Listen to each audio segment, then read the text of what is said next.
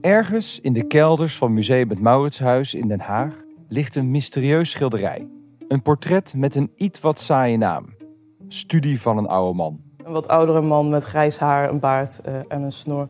Met een donker gewaad uh, met een witte kraag. Door de eeuwen heen is het aangetast. Onder andere door het strijkijzer van restauratoren. Het lijkt uh, alsof er in zijn hand iets zou moeten zijn, of dat er in ieder geval hand geschilderd had moeten zijn, uh, waarin hij iets vasthield. Maar dat weten we dus niet.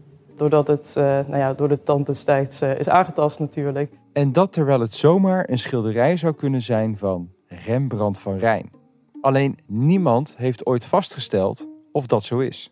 Het lot van het schilderij ligt in handen van kunsthistoricus Lieselore Tisse. Er zijn redenen genoeg om te denken dat dit mogelijk een Rembrandt zou kunnen zijn. Zij gaat achterhalen of het een meesterwerk is met miljoenenwaarde of dat het terug kan naar de kelder. En grappig genoeg geeft Lieselore zelf niet zoveel om de uitkomst van die vraag. Uh, voor mij persoonlijk, of een Rembrandt is of niet, dat maakt niet zoveel uit.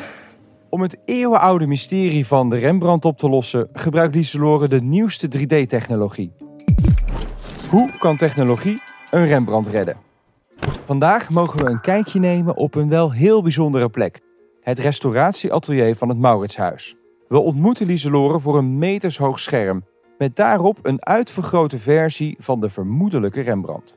Het schilderij waar we vandaag vooral naar gaan kijken is een uh, schilderij van dus mogelijk Rembrandt.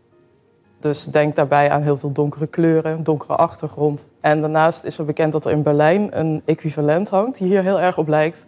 Uh, waarbij een man een gouden helm op heeft en het is bijna één op één hetzelfde portret. Oké, we hebben genoeg aanwijzingen, maar geen zekerheid. Tientallen jaren werd geloofd dat het werk van Rembrandt was. Tot zo'n 50 jaar geleden, toen de oud-directeur van het Mauritshuis dat ineens in twijfel trok en hij het schilderij tot de kelder veroordeelde. Sindsdien is het mysterie onopgelost. Toch best gek dat je niet weet wie iets geschilderd heeft. Tegenwoordig hechten we daar heel veel waarde aan omdat ze heel kostbaar zijn en heel veel opleveren. Maar toen ja, werd dat behalve door kunsthandelaars die echt sumier een uh, regeltje erbij zetten, werd er niet zo heel veel gedocumenteerd over dat materiaal en van wie dat dan wel niet zou zijn. En dus is het aan de kenners om de echtheid te bepalen van ons portret van de oude man. Dat probeerden ze eerder al een keer in een groot onderzoeksproject naar allemaal mogelijke Rembrandts, maar zonder resultaat. Het is ook lastig om te beoordelen, omdat het doek door de jaren heen zo bruut werd mishandeld. De schilderij is waarschijnlijk uh, opgerold geweest, waardoor er dus allemaal vouwen in het uh, doek zijn ontstaan en uh, nou ja, in ieder geval ook sowieso het doek zwak is geworden en waarschijnlijk ook schade aan de verf is. En daarnaast is het, omdat het doek dus heel zwak was geworden, moest het verdoekt worden. En toen is er letterlijk met een strijkijzer en met hars die op een ander doek geplakt. Dus je kan je wel voorstellen dat dat niet heel erg goed is voor de verf die erop zit. Met een strijkijzer over een mogelijke Rembrandt. Vandaag de dag is dat ondenkbaar. Maar lange tijd waren er geen betere restauratietechnieken. Alle oude schilderijen die je in het museum ziet, hebben al heel wat leed doorstaan. Als je naar een schilderij kijkt, dan, en het is een oud schilderij van een paar eeuwen oud, dan, en je kijkt er goed naar, dan zie je heel vaak barsjes in de verf. In ieder geval krakeluren noemen we dat met een, uh, met een chic woord. Uh, en dat is onder andere een teken van de tijd, omdat die verf die heeft uitgezet en die is gekrompen, waardoor er dus barsjes zijn ontstaan. Verder kun je ook vaak zien dat lage verf transparant worden. Dus dan kun je bijvoorbeeld het doek dat eronder ligt, uh, komt naar voren. Dus dat kun je ook weer zien. En nou ja, als je dan niet naar het oppervlak kijkt, maar wel naar de kleuren, zie je vaak ook dus dat een ondertekening door de verf heen komt. Of dat uh, kleuren iets meer vervaagd zijn of zelfs ontkleurd. Er is ook een tijdje geweest dat uh, bij naakten bijvoorbeeld blaadjes voor de geslachtsdelen werden geschilderd. Maar het is ook vaak een vorm van restauratie. Ook omdat een bepaald stuk er niet meer zo uit zou zien zoals men denkt dat het eruit zou moeten zien. En dan om toch een soort illusie te geven van hoe het moet zijn geweest, of in ieder geval een interpretatie van het verleden, uh, wordt iets overgeschilderd. Dus op die manier uh, verandert ook het hele oppervlak. En zou je dus door de tijd heen eigenlijk zie je een heel ander kunstwerk dat zich ontwikkelt tot hoe het er nu uitziet. Al die verloren textuur, kleuren en overgeschilderde delen kun je met moderne technieken terughalen. En dat is wat Lieselore gaat doen om het mysterie van de mogelijke Rembrandt op te lossen. Dat doet ze in een atelier van het museum. We zijn nu in uh, de fotostudio. Waar overal schilderijen staan, potjes verf en een 3D-scanner. Op de achtergrond wordt nu uh, de vermoedelijke Rembrandt in ieder geval gescand. Achter in het atelier staat de mogelijke Rembrandt gekanteld op een ezel. Het is zo vergaan dat bijna alle kleur is verdwenen. Je moet echt twee keer kijken om de afgebeelde man nog te kunnen zien. Recht voor het schilderij staat een 3D-scanner. De scanner is samen met een speciaal team ingevlogen vanuit Madrid. Een rode laser scant millimeter voor millimeter het doek. Tot op de diepste poriën van het portret. Deze 3D-scanner die werkt met een uh, laser. Dus die uh, gaat eigenlijk over het oppervlak. En doordat hij steeds uh, dat laserlicht terugkaatst, berekent hij de afstand tussen de laser en het oppervlak. En daarmee kun je dus, als je er langzaam overheen gaat, al die groepjes, alle krakeluren, alle bultjes, alle toetsen, kun je dan op de honderdste micrometer uh, kun je die opnemen. Die meting is uiterst nauwkeurig. We moeten heel voorzichtig lopen, zodat de vloer niet trilt en de meting niet verstoord wordt. En dan kun je dan dus nog los door middel van uh, hoge kwaliteit fotografie de kleuren opnemen en de glans. En die kun je dan digitaal over elkaar heen leggen. En zo kom je dus tot een 3D-scanned schilderij. Dat gebeurt op een computer. Enerzijds creëert de laser een soort relief, een beetje zoals een atlastekening van een gebergte, waarin ieder hoogteverschil is vastgelegd. En anderzijds heb je hele goede foto's om de kleuren vast te leggen. Je kunt de penseelstreken dus los bestuderen van de kleur. En uh, dat wil zeggen dat je dus uh, niet wordt afgeleid door kleur en het idee van diepte krijgt doordat de kleur dat suggereert. Uh, maar ook andersom natuurlijk. Um, want ik kwam er bijvoorbeeld achter door een 3D-scan en een 3D-print van het uh, Joodse bruidje, ook van Rembrandt, dat hij eigenlijk niet heel veel textuur heeft, dat hele oppervlak. Maar juist door dat schilderen en de optische illusie die Rembrandt genereert, dat je daardoor juist die dieptewerking krijgt.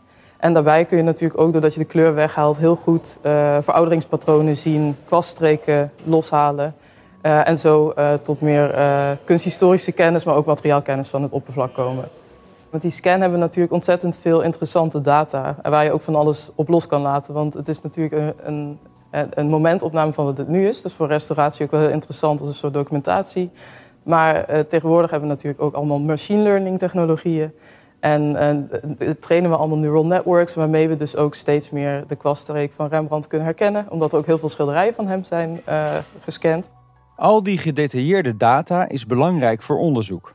Slimme software heeft op basis van honderden schilderijen een soort handschrift van Rembrandt gemaakt.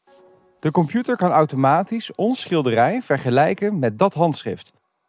En zo dus achterhalen of we hier te maken hebben met een echte Rembrandt. Met die uh, machine learning technieken is er een soort alfabet van uh, Rembrandts uh, kwaststreken gemaakt. Waarmee je dus zou kunnen controleren of reconstrueren eigenlijk of die data overeenkomt met wat Rembrandt zou hebben gedaan. Dat niet alleen. Je kan ook ontdekken wat er oorspronkelijk op het doek te zien was. Is er inderdaad ooit een hand geschilderd, zoals Lieselore deed? Of zit er nog iets anders onder de verf verstopt?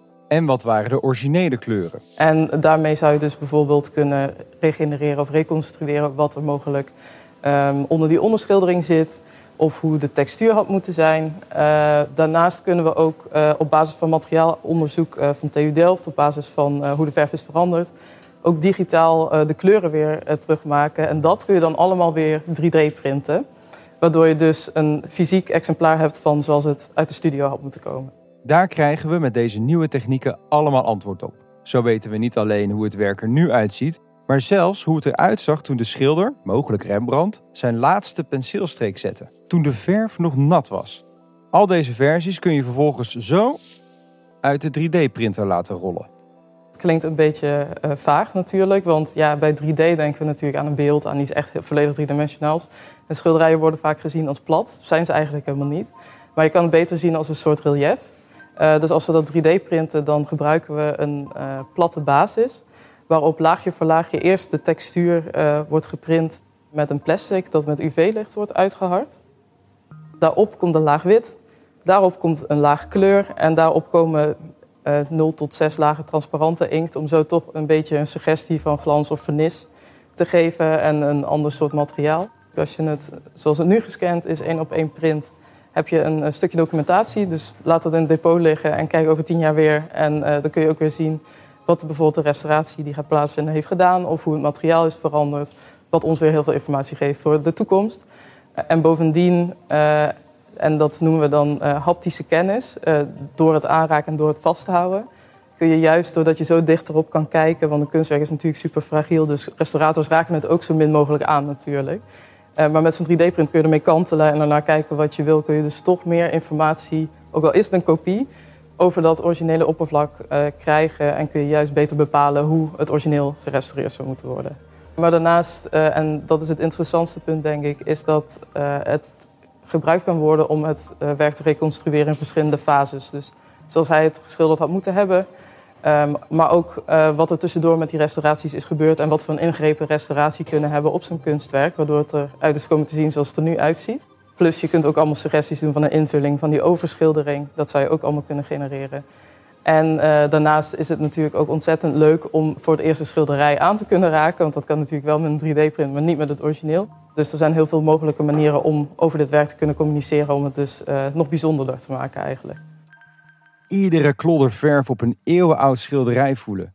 Maar hoe zit dat nou met ons mysterie? Kunnen al die technieken na eeuwenlange twijfel vaststellen of dit nou een echte Rembrandt is? Met alleen 3D-scannen en alleen 3D-printen ga je het niet halen, want het is gewoon ontzettend complex. Um, die technieken helpen ontzettend erg. Um, alleen er zijn ook genoeg voorbeelden dat, ondanks materiaalonderzoek, dat er nog steeds een vervalsing doorheen glipt. Dus er zal altijd, zullen altijd kunsthistorici en restaurators nodig zijn die zo dicht op het materiaal werken en ook het hele conceptuele en het denken van de kunstenaar begrijpen en een kunstwerk in zijn tijd kunnen plaatsen. Dat ik nooit zal denken dat de techniek uh, de mens wegspeelt in dit geval, maar dat het juist een hele mooie samenhang is om inderdaad het kaf van het koren te scheiden en op een steeds betere en wetenschappelijk onderbouwde manier een echte rempand eruit te kunnen pikken. Over een jaar uh, weten we uh, waarschijnlijk of dit een echte Rembrandt is of niet. En uh, nou ja, dat is ontzettend spannend natuurlijk. Dat zou wat zijn. Technologie, restauratoren en kunsthistorici die achterhalen of het een echte Rembrandt is. Wij houden het nieuws in de gaten. En wil je nou meer wetenschap in je feed? Abonneer je dan. Tot de volgende!